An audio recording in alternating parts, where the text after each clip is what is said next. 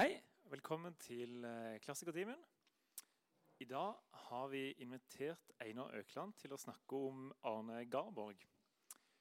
Det er vel i forbindelse med 125-årsjubileet til eh, Haugtussa. Eh, før vi begynner, så tenkte jeg skulle si at vi har nødutganger der og der og der. Så alle utganger. Og hvis du skal på toalettet, så er det ut der og så bortover inn i biblioteket. Så tenker jeg bare vi sier velkommen.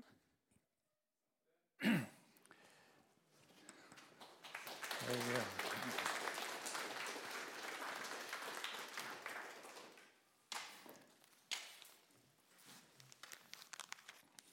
var litt spent på hva folk kom til å møte her, må jeg si, for det ante ingenting om.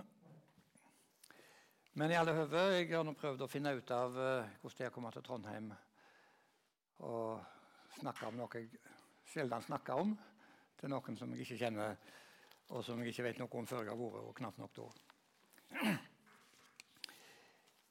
Det jeg fikk vite, det var det at det foregår eller er laga en slags klassikerserie, sånn at en tar for seg et boknavn eller en forfatternavn og heller ei samrøre om vedkommende sånn med jevne mellomrom. Og jeg er da kommet altså inn på Garborg-navnet. Helt uh, uten eget initiativ, men uh, det må ha vært en fristelse i det likevel, så jeg sa ja til å komme og snakke til dere om dette.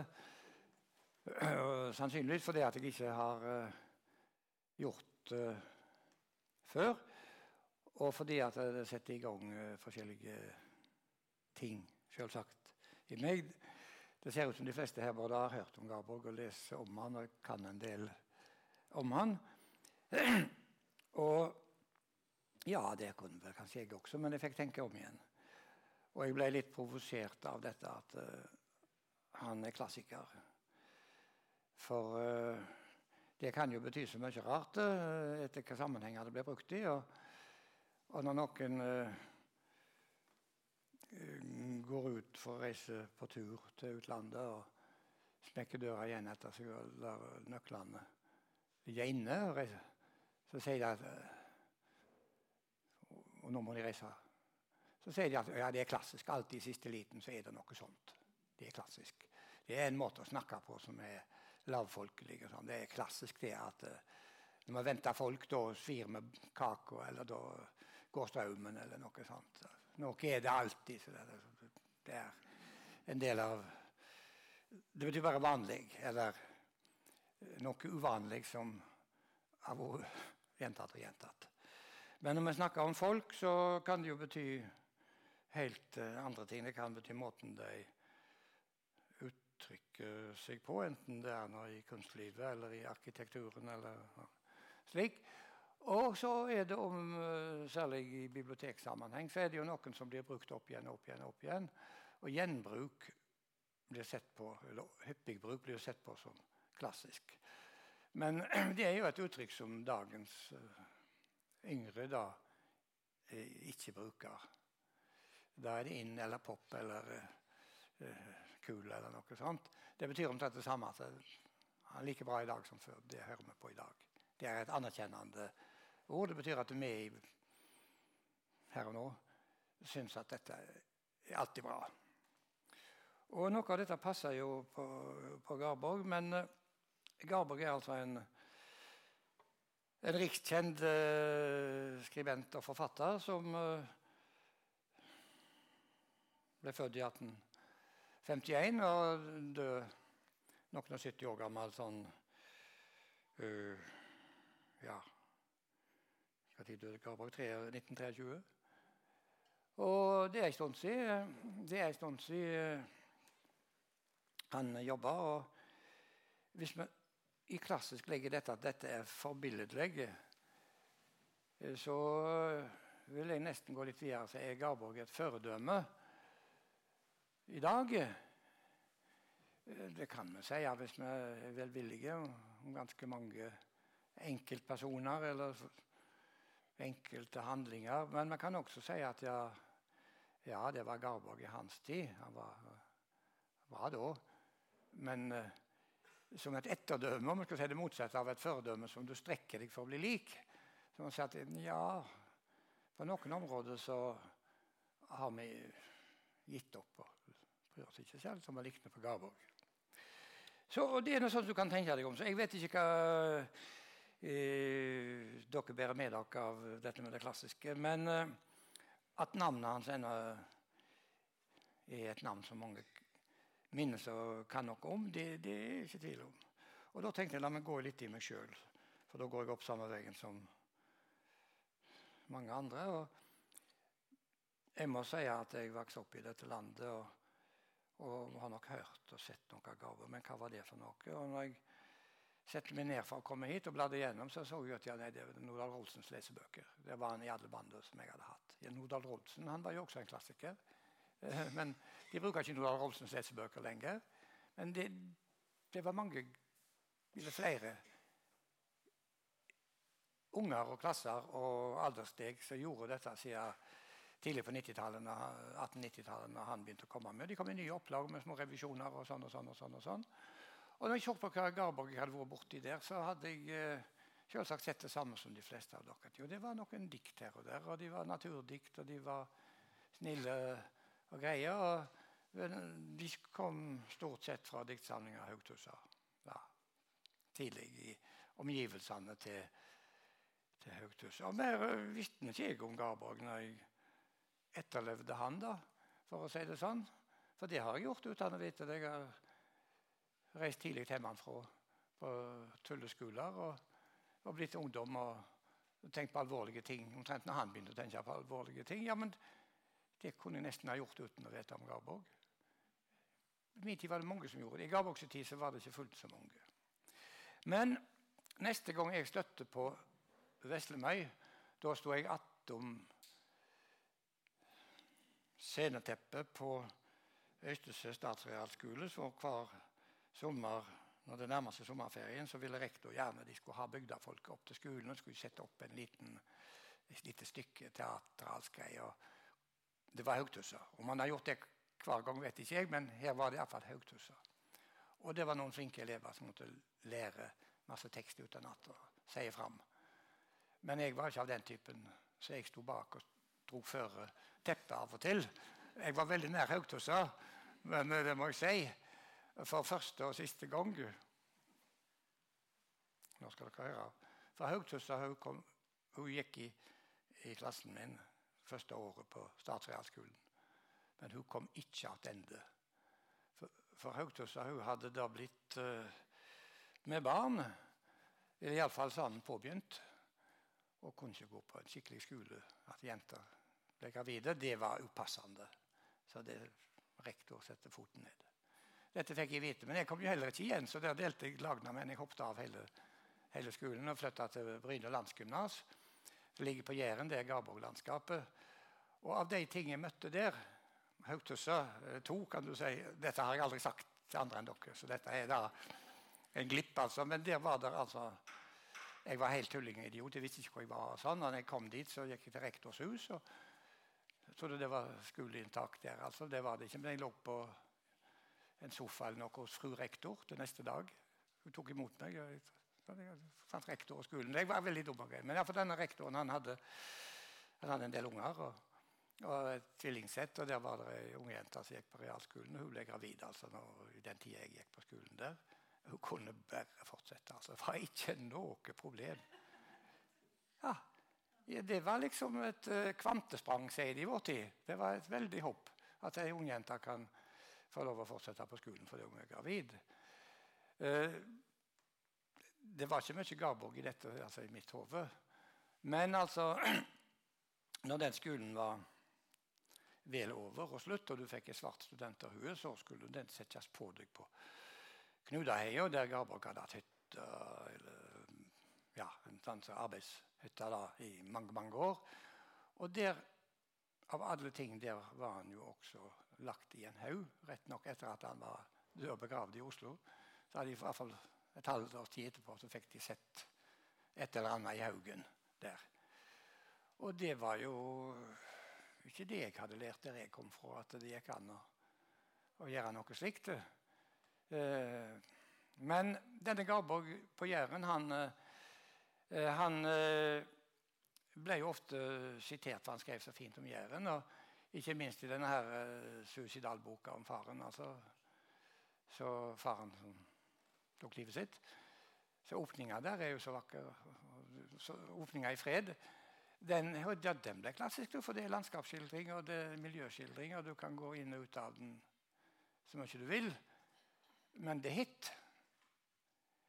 Ja, det var jo Garborg sjøl borti, fordi at når han hadde tulla seg hjemmefra og levd litt uh, sånn løslevende, og slik, så fikk han jo veldig dårlig samvittighet, for faren var veldig religiøs. Og sønnen han gjorde ting som han burde bedt om forlatelse for, men han greide ikke å skikkelig. og han greide ikke å omvende seg den eneste rette veien. Uh, så han tok i ferd med de skriftlærde som jeg vet, og syntes de hadde gitt oss for strenge opplæringer og sånt uh, i religion. Og det ble mye styr i, i Riks-Norge når han begynte å skrive offentlig om dette som en ung mann. Men bare for å hoppe tilbake til det klassiske uh, Når, når en har, er deprimert eller har skumle tanker i hodet sitt i vår tid, så sender vi de til psykolog og psykiater. Vi sender de Vi, vi sier ikke at presten må ordne opp i dette. Men folk, det, altså, vi lever i annen tid. Det er ikke et uh, foredømme at du skal tenke igjennom og gruble deg fram til alle ting. Sånn som han gjorde. Men altså, for å hoppe inn min første anfektelse Jeg kan bare sette den opp mot Garborg sin. Den fikk jeg da på, i skolesammenheng. for det det skjedde det at jeg fikk vite om det fæle under siste verdenskrig da jeg var lite barn. Det var mange, Jeg vokste opp i et, like etterkrigstida. Og det var søndagsskoler og samlinger, og de tok ungene med. Og sånn, og, og der sang de jo en sang som Garborg ikke hadde skrevet, om at ingen er så trygg for fare som altså denne herre vesle Guds barneskare. Og sånn. Og jeg syntes veldig dårlig om denne guddommen som hadde da gassa de og stelte ting til. Og sånn, og syntes de var slett ikke trygg for fare. Nei. Og det opprørte meg skrekkelig, eh, dette her. Og jeg hadde ikke ord for det, ikke løsninger heller, annet enn den som kommer av at tida går, og du får annet å tenke på. Men Garborg altså, han sleit jo med disse tankene lenge. og Vi kan bare si ja. Sa det fælt. Og Garborg skildra det der eh, ganske godt. Og ikke minst så skildra han jo de uh, teologene som levde da dobbeltliv, der de var veldig strenge med sine tilhørere, men så gjennom fingrene når det gjaldt uh, embetsfolk og andre som fiksa livet sine. Så jeg ble jo senere sterk tilhenger av dobbeltmoralen og tenkte det hadde bare vært verre hvis vi fikk mononormalen. Da skulle vi passet oss noen hver, for da hadde de ikke tålt innsigelser og kremt. Men eh, Garborg trodde jo da at han skulle gruble seg fram til sanninger og fred. Det vet vi. Og skrev sine både artikler og bøker om dette. og For å å koble meg sjøl til Garborg Jeg skal ikke gjøre stort poeng av meg sjøl, men uh, jeg begynte å tutle og skrive. noe sånt, og Så fort jeg var kommet inn i gymnaset, så pekte de meg ut uten at jeg visste det. De hadde et gymnassamfunn. Uh, og jeg var da en nykomling. Og likevel så be, hadde de en institusjon etter at disse her uh, hyggekveldene sine med litt foredrag og litt sang og musikk og mye rart og kanskje litt annet.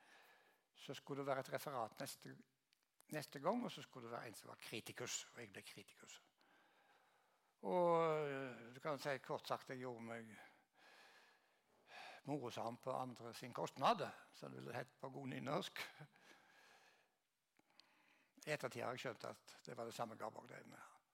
Han var da altså satirisk og skittlig, som vi sier på bygda, med sine motparter. Eller sagt med et mer sånn honnørord han ble ironiker. Og jeg har fått den skyldninga mot meg en del ganger seinere når jeg skriver. Og jeg hevner meg alltid og sier det, det at det, det, det, all ironi er mislykka, pleier jeg å si. Eller at uh, Jeg tar fullstendig avstand fra det der at å være ironiker det ja, Noen kan leve av det i timen. Altså, jeg vil ikke ha det sittende på meg. Jeg syns det er ja, pinlig. Så, ja, men det greier du ikke børste av deg. Og En del av Garborgs krefter leser noen i dag med stor uh, satanisk glede, for de ser hvor spydig han kan være med uh, prester og uh, storfolk. Men jeg, jeg, tror ikke Garborg likte seg sjøl så veldig godt i lange loppet. der, altså, det er noe ikke tvil om. Men de, denne her klassikeren, han, hans mest ja, skal jeg si, Føredømme verdige innsats, det var i, etter min mening ikke det at han skrev minneverdige stemnings- og naturskildringer, men at han var publisist og skrev i aviser og tidsskrift, og at han startet, var med i starten på aviser og tidsskrift. Og Det snakker han litt mindre om i dag. og Ettersom hans store, livslange eh, ideal eller høye målsettinger var at vi skulle få eh, et folkemål i Norge, som ble da til nynorsken. Altså. Og at eh, nordmennene skulle ha en sterk nasjonalitetskjensle. Så han var det ble sagt i dag målmann og nasjonalist. Og det å agitere for dette det var, mener jeg var ikke på langt nær så effektivt som å lage minneverdige tekster selvsagt, som blir brukt om at av nye folk i nye generasjoner. Og at han var med å starte uh, aviser og tidsskrift der uh, hans uh, tema kom fram, og der en kunne skrive hva som helst. Garborg han var ikke lyriker, ikke romanforfatter. Han var en som skrev i flere sjangre. Og det hadde gjennomslagskraft.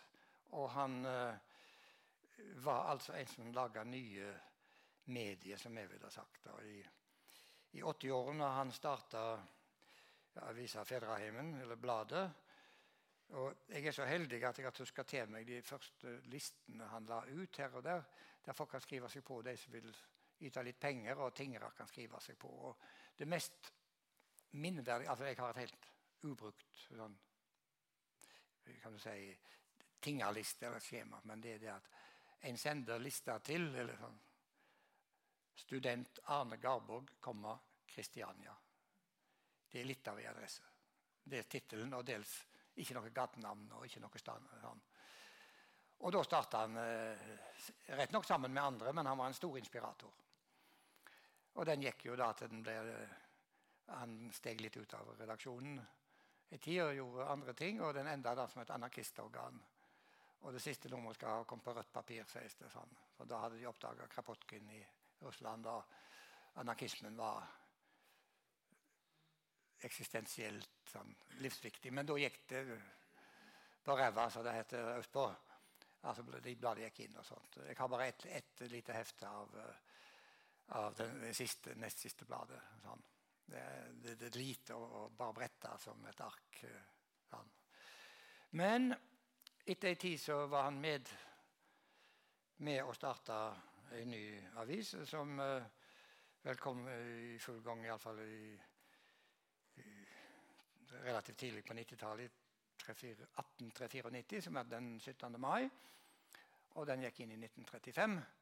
Og det var ei riksavis på nynorsk med vetige folk fra alle kanter eh, som skrev i mange, i mange sjangre. Både dikt og bokmeldinger og informative artikler og nyheter. Og han hadde også da fått en vignett eh, tegna av en annen fridomsglad Eh, men ikke akkurat underklassemann. Eh, Erik Wernskjold hadde tegna en som står og heiser det norske flagget på, på, på bladhovet, som det heter. Sånn.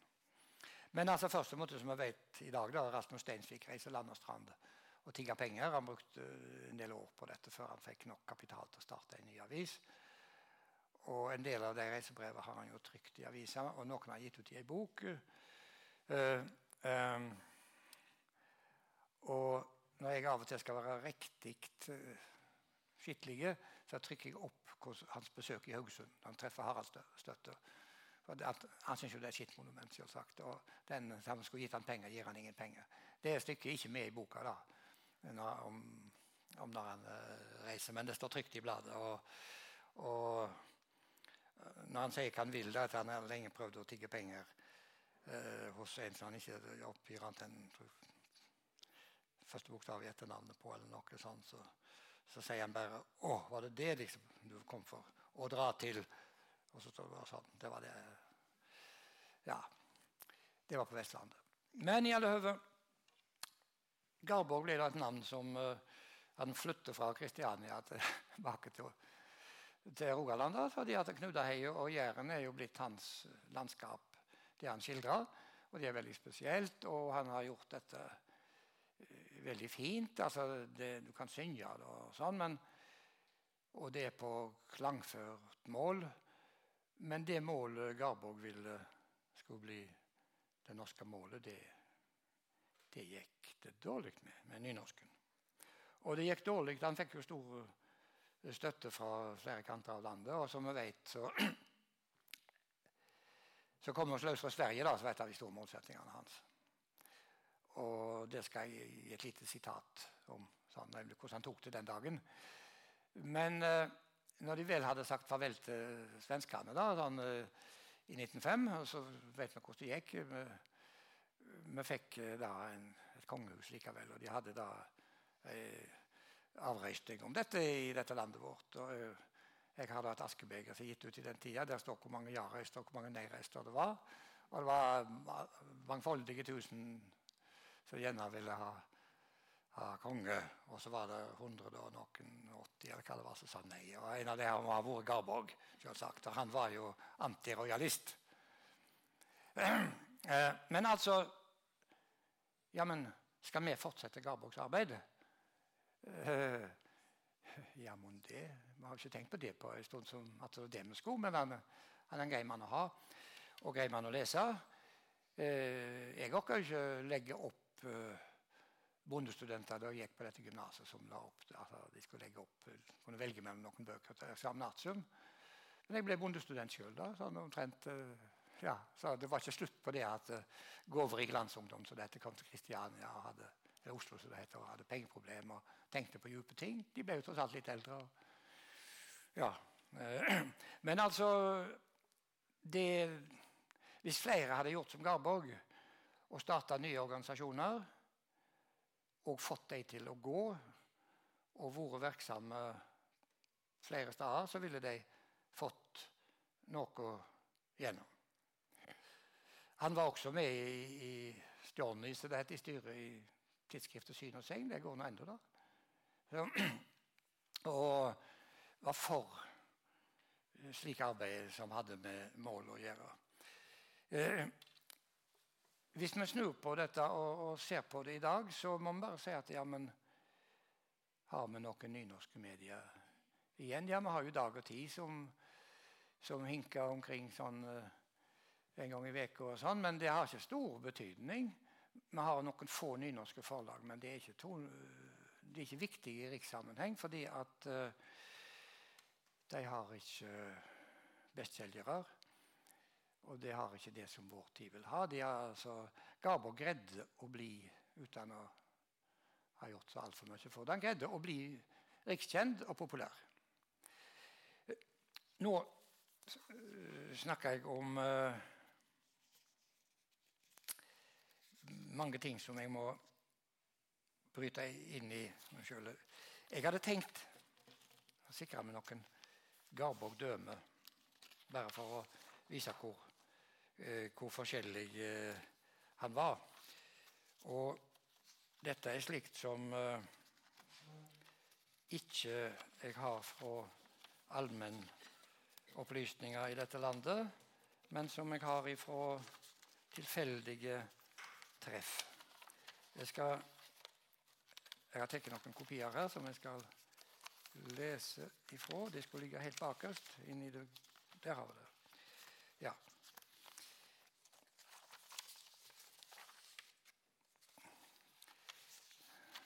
Han begynte jo altså å skrive dagbøker, og det, det ga enka hans ut med egne innførsler her og der. Men nå skal dere høre når Garborg har en siger.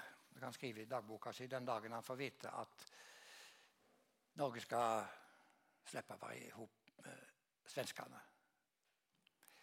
Dette er, har også en viss sjangerrelevans. Eh, det, det på ettermiddagen klokka fire kom det trådbod. Jeg sier ikke det lenger, men det var et telegram, da. Eh, ja, trådbod. Altså Alle de nye, gode norske ordene som Garborg ville innføre, de, eh, mange, mange, av dem ligger, ligger, med han i Haugen eh, på, på Knudeheia. Da bruker han eh, eh, det er Steinsvik som telegraferer til han. Unionen oppløst. Ministeriet Mikkelsen valgt Førebels. Riksstyret. Alt samrøystes. Steinsvik. Det var altså redaktøren i den 17. mai. Uten utropstegn skrev han 'Hurra'. Det er ikke annet å si. Kan nå dette lage seg, og det på en fredelig måte, så vil det være vondt til at vi kan takke til å bygge landet att. Og det kan være på tide nå. Og med Sverige blir det bedre brorskap enn det har vært noen gang etter 1814. Og han fikk jo rett i det, da, at uh, nå går ting så meget bedre, som en viss statsminister sa og andre sa. Han som kom med boet, sagde at tanken er å bjoa prins Carl eller prins William Gustafsson krona. Og her skal vi få liksom en etling fra kongehuset likevel. Republikk hadde vært best, etter mønster fra Sveits, med folkeforsamlinger, referendum. Men så langt rekker vel ikke dette stakkars folket med en gang. Her kommer da resignasjonens meister. Og slipp med ufred, så herregud, for det får vi ofre ei kongelønn òg. Og takke halvt svensk overstyre denne førstemannsalderen. Ja, ok, vi får, får gi han lønn for å være her en mannsalder, for det tar vel så lang tid før denne kongen dør. Så er det på han igjen. Gjevde må lage seg i alle tilfeller, kolon. 1905 er det første hele steget fram siden 1814 så kommer den linja som jeg egentlig vil fram til. Neste avslutningslinja. Var her ikke så varmt, så gjorde jeg vers, tror jeg. Ja. Det er da altså lyrikeren og dikteren Garborg. Altså, nei, det er litt for varmt å lage vers. Altså, skriv dette til seg sjøl. Det, det syns jeg er minneverdig. I det hele tatt, eh, Dagbøkene til Garborg er jo lesverdige jeg syns jo de er et hakk mer interessante kanskje enn en del av romanene hans. Men jeg er jo alltid ikke så veldig mye romanheter. Men det er klart, leser de romanene, så leser de dagbøkene etterpå folk, sånn at det kan ha funksjon som åte. Men Garborg og politikeren Garborg Han var republikaner og ville styrke folkestyret. og Han syntes bygdelivet det var det ur norske ekte norske. og Vi måtte få et norsk mål og så videre, og man måtte få norske ord der det var utenlandske fremmedord. Og det har jeg jo holdt på med lenge. Hvis det blir tid, skal jeg fortelle litt om det. Men, men så har jeg en utklippsbok der en lesende mann i 1892, altså før avisa den 17. mai var starta Der har avisa Verdens Gang nummer 171, 26. juli, et uh, dikt av Arne Garborg. Og det vil minne dere om uh, lyrikeren Garborg, som uh, Han laga jo litt av hvert som enda var sunget av oss. Det et, jeg tror ikke dere har hørt det før, og jeg har ikke tort å offentliggjøre det. Og om noen har offentliggjort det, så har jeg aldri sett annet enn i det utklippet jeg har. For jeg har ikke akkurat den avisa det er klippet fra. Men det kan jo føre tilbake. Det ser slik ut, fotokopien. Vårbønn. Og vårbønn det kan man nesten si det er liksom en religiøs forbannelse. Sånn. Sverige. Ja. Så være vigd til hel hver redde svikersjel i Norges land. Hver den som truløst for i verk og svikfullt ord mot heim og fedrejord, dømd være han. Heng han i neste tre, grav han som pestfengd ned på ubygd øy. Og ingen gravstein grå på denne haugen stå. Hans navn i gløyme gå, hans minne døy. Og dette er altså Gud signe Norges land. altså. Det Så være vig til hel Altså Ja. Og det at det bor sånt i Garborg, det gjør jo at uh, vi bør lete mer. Og kanskje finne ting vi kan glede oss over i dag. Men altså, de som tok opp målballene, da, de tapte. Altså, vi fikk vi fikk et nynorsk forfatterlag. Ja, Norsk Bokmannslag. Sånn tidlig på 1900-tallet, og det hadde seg helt til vår tid. Men jeg har ikke sett hyren til det noe særlig. Men jeg har visst om det. Og for de syntes Forfatterforeninga var altfor sånn, ikke god for nynorskfolk. folk. men eh, Forfatterforeninga har nå da stelt med sitt, og nynorskingene har jo blitt veldig jamstilte der. Og, og det, er ikke, det, er ikke, bruk for det hit lenger. Og det har ikke samla alle nynorskskrivende forfattere. Så kommer det sannelig opp at ja, men vi har jo slikt i presseverdenen også. Ja, for vi har jo hatt Garborg og så vi har hatt nynorske journalister. Har vi hatt bladfolk, og da ble det Norsk Bladmannalag. Og nå tar det jo snart annen fra oss vestlendingene, da, så vi kan jo ikke si mannamål lenger. Vi må skrive mannemål for å være Eh, sånn, og, og, der var det altså en, flere aktivister som var inne i av nynorske journalister. Men de, de slo ikke helt gjennom og er ingen som hører røysta deres. De er, er borte. Og det var også litt andre eh, målorganisasjoner som ikke greide å hevde seg nok. Men uh, i dag så, så kan du si Garborgs om at alle skal bruke nynorsk, og Norge skulle bruke det i alle fall som riksmål sitt, uh, det har ikke nådd fram. Men det har jo heller ikke gitt til grunne. Da. Det lever forholdsvis godt der det lever. og er stort sett bare problematisk for Eh, folk i grunnskolen. eller noe sånt. Når de kommer etterpå, så kan de skrive både engelsk og fransk og ditt og datt, og nynorsk også. Ganske mange. Og det som uh, uh, har skjedd med den såkalte samfunnsutviklinga, jo Noe har Garborg fått medgang i uh, uten å be om det. Noe vil han aldri få. Altså han oppfatter som småfolk og nynorskfolk som ett. Og Det kom jo da til stor skilje når arbeiderrørsla organiserte seg og ble riksrørsla. Og det var jo mye av det som gjorde at hele partiet Venstre da, mistet tilhengere. Og Arbeiderpartiet, som da tidligere hadde vært et slags kommunistisk parti, de ble jo mer sånn eh,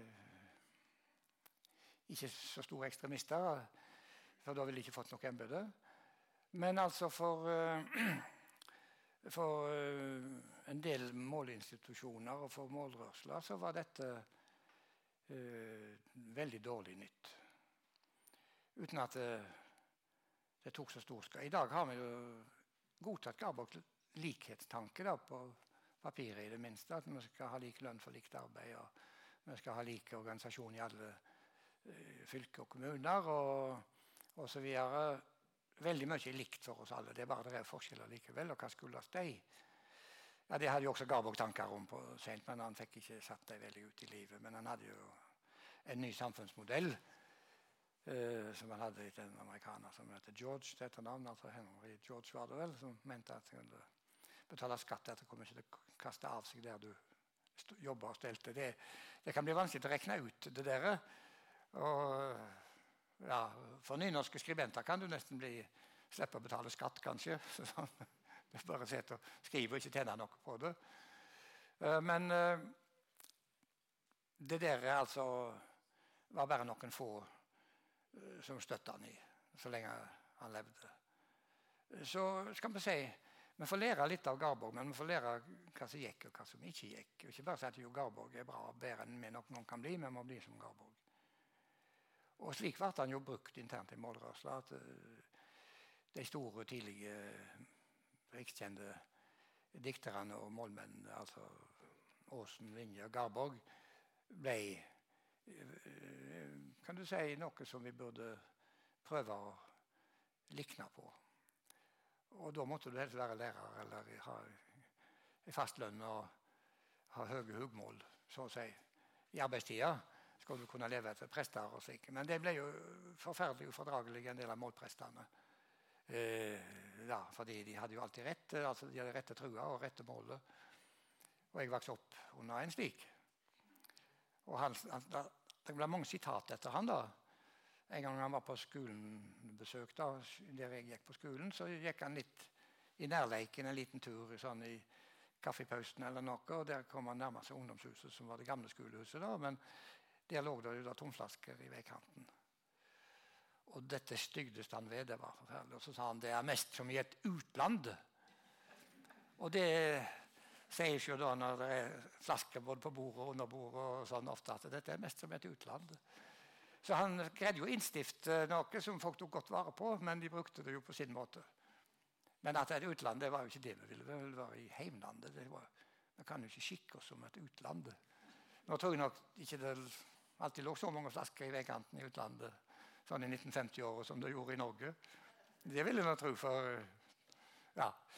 Eh, men denne, denne mannen, altså, han eh, har vi vi gjenbruker han og gjenbruker han og gjenbruker han, og særlig lyrikken hans, og særlig i, i sangbøker og i skolebøker.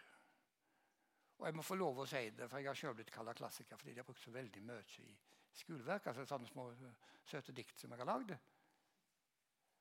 Og øh, gjenbruk, er det klassisisme? Må man da spørre sånn. Det, ja, det er jo et hedersuttrykk når det gjelder søppel og avfall. Men altså at en ikke greier å fornye seg og få tak i nye tekster og andre og bedre, det er ikke sikkert at, at det er av det gode. Så øh, Og når jeg kan si dette, her, så får jeg si jeg tror, jeg tror Garborg ville nikke til dette. Ja, Det tror jeg nok. Og vil irettesette meg at vi får nå vi får nå gjøre det vi kan i vår tid, så får de andre som kommer etter, gjøre sitt. Men han var jo en meister i å resignere. Og nå tror jeg snart at klokka er, er der jeg bør slutte. Men i alle høve Det er en av mine helter, som det heter på ungdomsspråket. da, altså en, en, svensk forfatter jeg liker veldig godt å lese dikt av, som heter Harry Martinsson. og Han har laga et dikt som heter De, de store problemløsningene. Noe sånt. Er tittelen. Ja, og, øh, det, og Der skriver han i de første linjene, uten at jeg kan ta det ordet etter at øh, uh, det, er, det er ikke revolusjonene som har ført været eller gjort det bedre for mennesker, men det er resignasjonene. Ja, ja, ja. Det er det hovedsynspunktet som han da utarbeider litt. Der, det, og, og de kommer aldeles still, stillferdig av seg sjøl. Man, man, streber seg oppåt, men man venjer seg nedåt, sier han i diktet. Og til slutt oppstår en sorgvane, altså en, sorgvane, i hjertet. Det gjorde nok også Skarborg. Han òg eh, streba seg oppover, men han, han, kunne resignere seg. Ok, vi får ha en svensk kongeetling eh, en mannsalder til. Ja, det er jo Men det ble jo ikke det, da. Vi fikk han andre som ville ha folkeavstemning.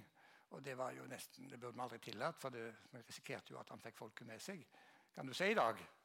Men det ble jo det, da. Folk uh, gikk jo med på dette. og De var ikke så uheldige med han. Og jeg vil jo si, som mange har sagt det, men ikke så veldig høyt offentlig, at uh, hver eneste konge burde, ny konge burde ha en folkeavstemning. da, i det minste. Så kan de stemme på neste tronarving. Og har han ikke stelt seg skikkelig, så får de finne en ny kandidat. Så, men uh, det er altså ei side ved klassikeren som jeg vil dele mer med. Men at han er ironiker og krangler og kaster latter over sine politiske og religiøse motstandere, syns jeg ikke er så uvanlig. Det, det, er bare snakk om å finne veien inn i, inn i media. Så, så, da kan du nå si at det har Bob Dylan gjort i mange tiår, det. Og, og sånt. Det, ja, hele det er nok av skittkasting i popindustrien. For er, folk syns det er moro. Men det er forferdelig at de ikke gjør noe med det. da. Selvsagt. Det kan en jo si. Det kan en si. Men uh, uh, Jeg lurte på hvilken forsamling jeg kom til å snakke med her. Sånn. Om det var til de som hadde hatt meg i skolen og lest noen små barnedikt i tidlig alder, eller det var gamle, forherda Garborg-lesere. Og det ser jeg at det er sånn. Så jeg tror jeg vil bruke de siste minuttene til å si er det noen som har lyst til å motsi meg eller kommentere noe eller spørre om etter hvert. Så du har jo ikke snakket om det og det og det. og det. Så, så tar jeg det på sparket. Ja, men ja, der sitter en fra, som kan dialekten til Garborg, til og med. Det kan jo ikke jeg. Ja, eh, jeg er fra samme kommune som Arne Garborg. Og jeg har tenkt mange ganger på dette. her, så Du nevnte at i, når det var utdelt studenthue, tok de på. Etter en del strev så skjedde det framfor haugen til Arne Garborg og Hulda. Og det merkelige der er jo det at først så var han, jeg tror imot sin vilje, eh, gravlagt i Trefoldighetskirka. Statsbegravelse. Ja. Men etterpå så på en eller annen måte så la de seg i en haug ikke høyere enn et menneske utenfor. Akkurat. Og, og da har jeg lyst til å spørre, Vet du nå den prosessen? Gjorde de det bare ulydig og rett fram, eller var det noen formelle prosess? For det er jo ikke lov å legge seg i, i, i haug og grav hvor du vil etter, etter loven. Men faktum er haugen er der. Men hvordan skjedde det? Var de så store at de, ingen som tagde. Nei, ingen som sa noe. Uh, ja, jeg, jeg, jeg, har det. Jeg, det lille jeg vet, er ikke utfyllende. Jeg vet uh, Jeg tror de måtte selvsagt uh, De hadde jo egen grunn, så de slapp å spørre grunneieren. Jeg tror de hadde støtte i ungdomsrørsla, for det var jo ungdomsrørsler rundt forbi. Og så vet jeg at Hulda umiddelbart etterpå veldig kort tid etterpå melder seg ut av statskirka. Og det er mulig at hun i kraft av den utmeldinga kunne ta mannen sin Oskar eller hva det var. Jeg vet ikke om han var kremert. De, de sa de setter urna ned, har jeg lest meg til. Om de har brent liket etter det var gravlagt offentlig, det vet jeg ikke. Men det er god grunn til å spørre hvordan det var mulig. Uh, du, Altså, I dag kunne de jo si det fare for dyra. De kunne grave det opp igjen. og altså, Du får sånne innsigelser fra naboer med, med sauer og kyr. Og, øh, men du vet ikke hva, ellers var dette kirkeadministrasjonen. da, og De hadde jo egne, egne sånne som administrerte kirkegården. Og det var jo regler for hvor fort du måtte grave ned. og sånn, og Noe kunne du ikke grave ned. Hvis du ville ha hunden med deg, så tror jeg ikke du fikk den med i kista. Altså, men jeg vet det ikke. Men jeg er temmelig sikker på at det var ei, ei rørsle med at ikke det bare skjedde i duld. Det tror jeg de må ha hatt støtte fra noen uh, lag eller organisasjoner utenfor. Og det kan hende at de bare var glad til å slippe å ha han i Kristiania. Altså, at, at de gjorde et unntak. Eh, men jeg, jeg tror spørsmålet vil komme opp igjen, og det, må, det er nok et svar. Det er jeg sikker på. Det er jeg sikker på. Jeg visste jo ikke at uh, dette med utmeldinger og innmeldinger i statskirka hvis hun kunne bevise at han var utmeldt før, at det var en feiltagelse At han, han meldt seg ut liksom i, mye før. Så kunne de si å ja, da har vi gjort en feil. Han, han hørte ikke med til vårt kirkesamfunn. Ta han og, og gjør noe med det. Det er én mulighet at Garborg har vært tidlig ute med å, å melde seg ut. Sjøl har jeg jo aldri meldt meg ut av statskirka. Det vil jeg bare si at eh, jeg er tvangsinnmeldt. Og de skal få måtte sparke meg ut, altså ekskludere meg. Jeg har eksklusjonsvedtak, pleier jeg å si. Sånn, det vil være mye kjekkere enn at jeg forsvinner i all stillhet. Uh, om Garberg har tenkt den tanken også, og han at de skal få slite med meg, det, det, vet jeg ikke. Men Garborg var jo frommere enn de folka han kritiserte, da, for å si det lågfolkelig. Det var han jo. Og han hadde mer dårlig samvittighet enn de fleste syndere har hatt. Han hadde skuldkjensler både her og der overfor faren, og at han sjøl ikke levde opp til alt sitt. og sånn. Så, men Nei, jeg vet ikke noe om det. Og er det andre som vet noe, så ville jo det vært plassen å åpne seg. Men det er det ikke. Nei. det det, eh, når sentraliseringa kommer, så vil nok sannsynligvis eh, kjendisene bli samla en sted, sånn at alle i landet har like lang reisetider. Det kan jo kanskje jeg si da, sånn at da, da, får du, da, får du, den greia der. Sånn. Det, det, jeg har ikke tenkt det før du åpna for dette, men skal du måtte reise helt til Knudahei og, og ikke treffe andre enn Garborg-folk, så er det fælt. De har jo æreskirkegårder her og der. Så det er tilløp til sentralisering. De er der. Både offentlig æreslund, og så har de en på Vestre gravlund i Kristiania, der du kan kjøpe deg plass. Og der måtte jeg gå for å finne en uh, velkjent, stor uh, så å si, landssvikdømt mann som var nedgraven i Telemark. Men nå ligger han ved, ved sida av store navn. Ved Hammarlund, tegneren og en del andre i, på Vestre gravlund i Oslo.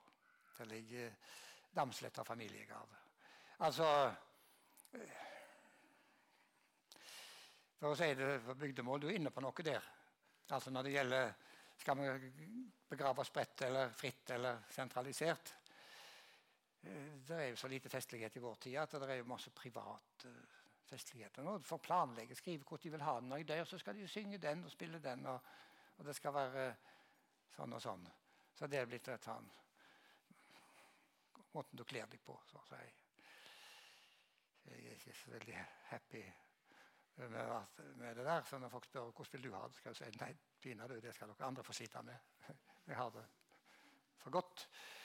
Men uh, er det andre spørsmål? enn uh, det ser ikke ut. Ja. Uh, ja, få høre.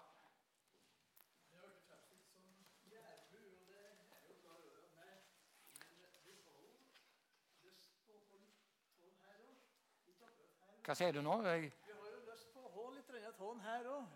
Ja. Hvis du har vært oppe i Alvdal og oppi der strøka, så har han jo en viss tilhørighet der. Ja, det får han jo bestemt seg. Ja da. Men hva gjør han med det? Jeg tror at du la vekt på i for stor grad at han er jærbu. Jeg er klar over at han er det. Ja, ja da, jeg la altfor stor vekt på det. Ja da, men det er ikke jeg som har lagt vekta.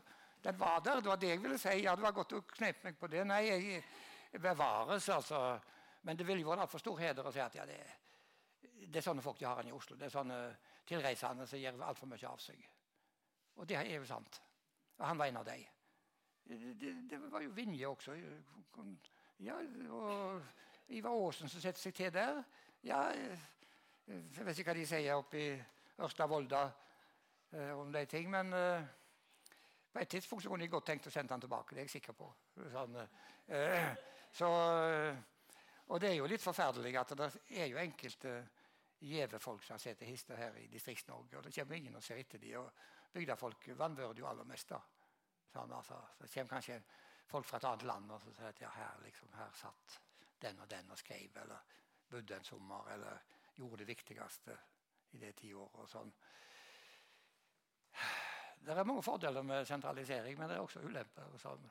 Eh, Jeg skal ikke eh, fordele det der. Men eh, jeg kan, jeg kan si det sånn helt sånn Nå skal jeg være sånn liksom, egoist-privatist. Jeg har en hel del rare trykksaker som er vanskelig å få tak i. Og jeg vil ikke gi dem til en sentral institusjon som digitaliserer dem, eller som hermetiserer dem i et riksarkiv, sånn at du må komme med blå plasthansker og ha hotellrom i Oslo noen dager og bli sikkerhetsklarert for å få lov å sitte og ta på det. De skal få komme til bygda, de skal kunne bruke de skal kunne ta i det. Ja, ja, så det, ja, det Sånn at det har da så å si stipulert at det, at det skal være fysisk tilgjengelig for uh, vanlige folk. Altså Ja. Og, for det har nå sin, det har noe sin uh, praktiske verknad at du, du står med uh, et brev eller noe i handa og, og ser håndskrifta og leser og her nå og da. og sånn, og, og kanskje mens du leter etter noe annet. For de som går i arkivet, vet du, så går du bare etter det du har søkt på forhånd. Og du får ikke gå i naboskuffen der det kanskje ligger noe som ikke du visste om. Så det er jo det fordeler med, med dette som ennå ikke er digitalisert. Altså det, det analoge livet. At du oppdager andre sider ved det enn ja, at du bare søkte og fant det på nettet. Det, eh, ja. Det, det, er mye å si om det. det men kan vi spørre oss selv, Hva ville Garborg sagt om det, da? Når han tenkte på folket sitt, og, sånn, og at de skulle likestilles og komme på høgd med de hine. Uh, vi vet ikke. Men han avslørte jo tidlig hva folk som kommer fra folkedypet. ikke sant? Det var jo, det var jo denne bondestudenten som uh, vakla både i trua og i åtferda og sikra sine posisjoner. Det er jo ikke bare folk som var fødte storfolk, som er blitt uh, ja, ugreie. For ikke å kalle de drittsekker da, altså når de kommer opp. Så å be deg gruble og lese bøker, det er for seint. Altså. Når blir det avgjort i livet? Ja, det kan hende det er tidlig.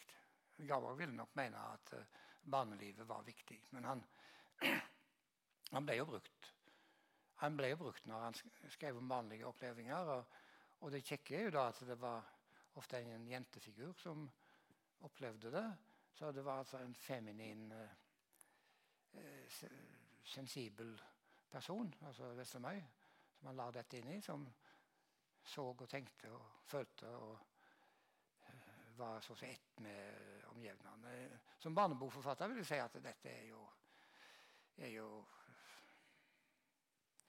er jo laga av en som har kontakt med hvordan barn opplever ting, men som artikulerer det som en voksen eller bærer det fram.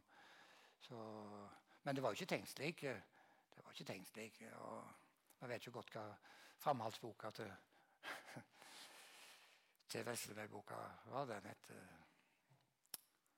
ja, som jeg ville sagt i helvete, da. I Helheim. For hun da får oppleve i andre mentale tilstander hvordan de døde har det, og hvordan folk har det med sine åndelige pinsler og sånt. Og, eh, så det var jo ikke bare vakre solnedganger og blomster og sånn. Det eneste jeg tok anstøt av, det var stadig dette her om, om småfuglen flyr mot ruta og ville gjerne inn. For jeg visste jo godt at det var ikke derfor fuglen hakka i ruta. Det var enten fordi han trodde han kunne fyke gjennom den og ut neste glass, eller fordi han hakka insektegg og sånt rundt. Hakka, ikke sant? Han ville ikke gjerne inn. Selv om du setter vinduet oppe, så fikk ikke fuglene inn når som helst. Uh, og det burde han visst, Synes jeg. Han visste litt for lite om fuglene, men han synes jo han, han huska den kakkelyden. Som, uh, ja, men det er nå så. så. Ja, det er tid å folde hender og si takk for i dag. Og takk for frammøtet og takk for spørsmål. Og nå er det ikke mer å hale her, for å si det sånn. Det, så folk skal gjøre andre ting. Takk for meg. Det,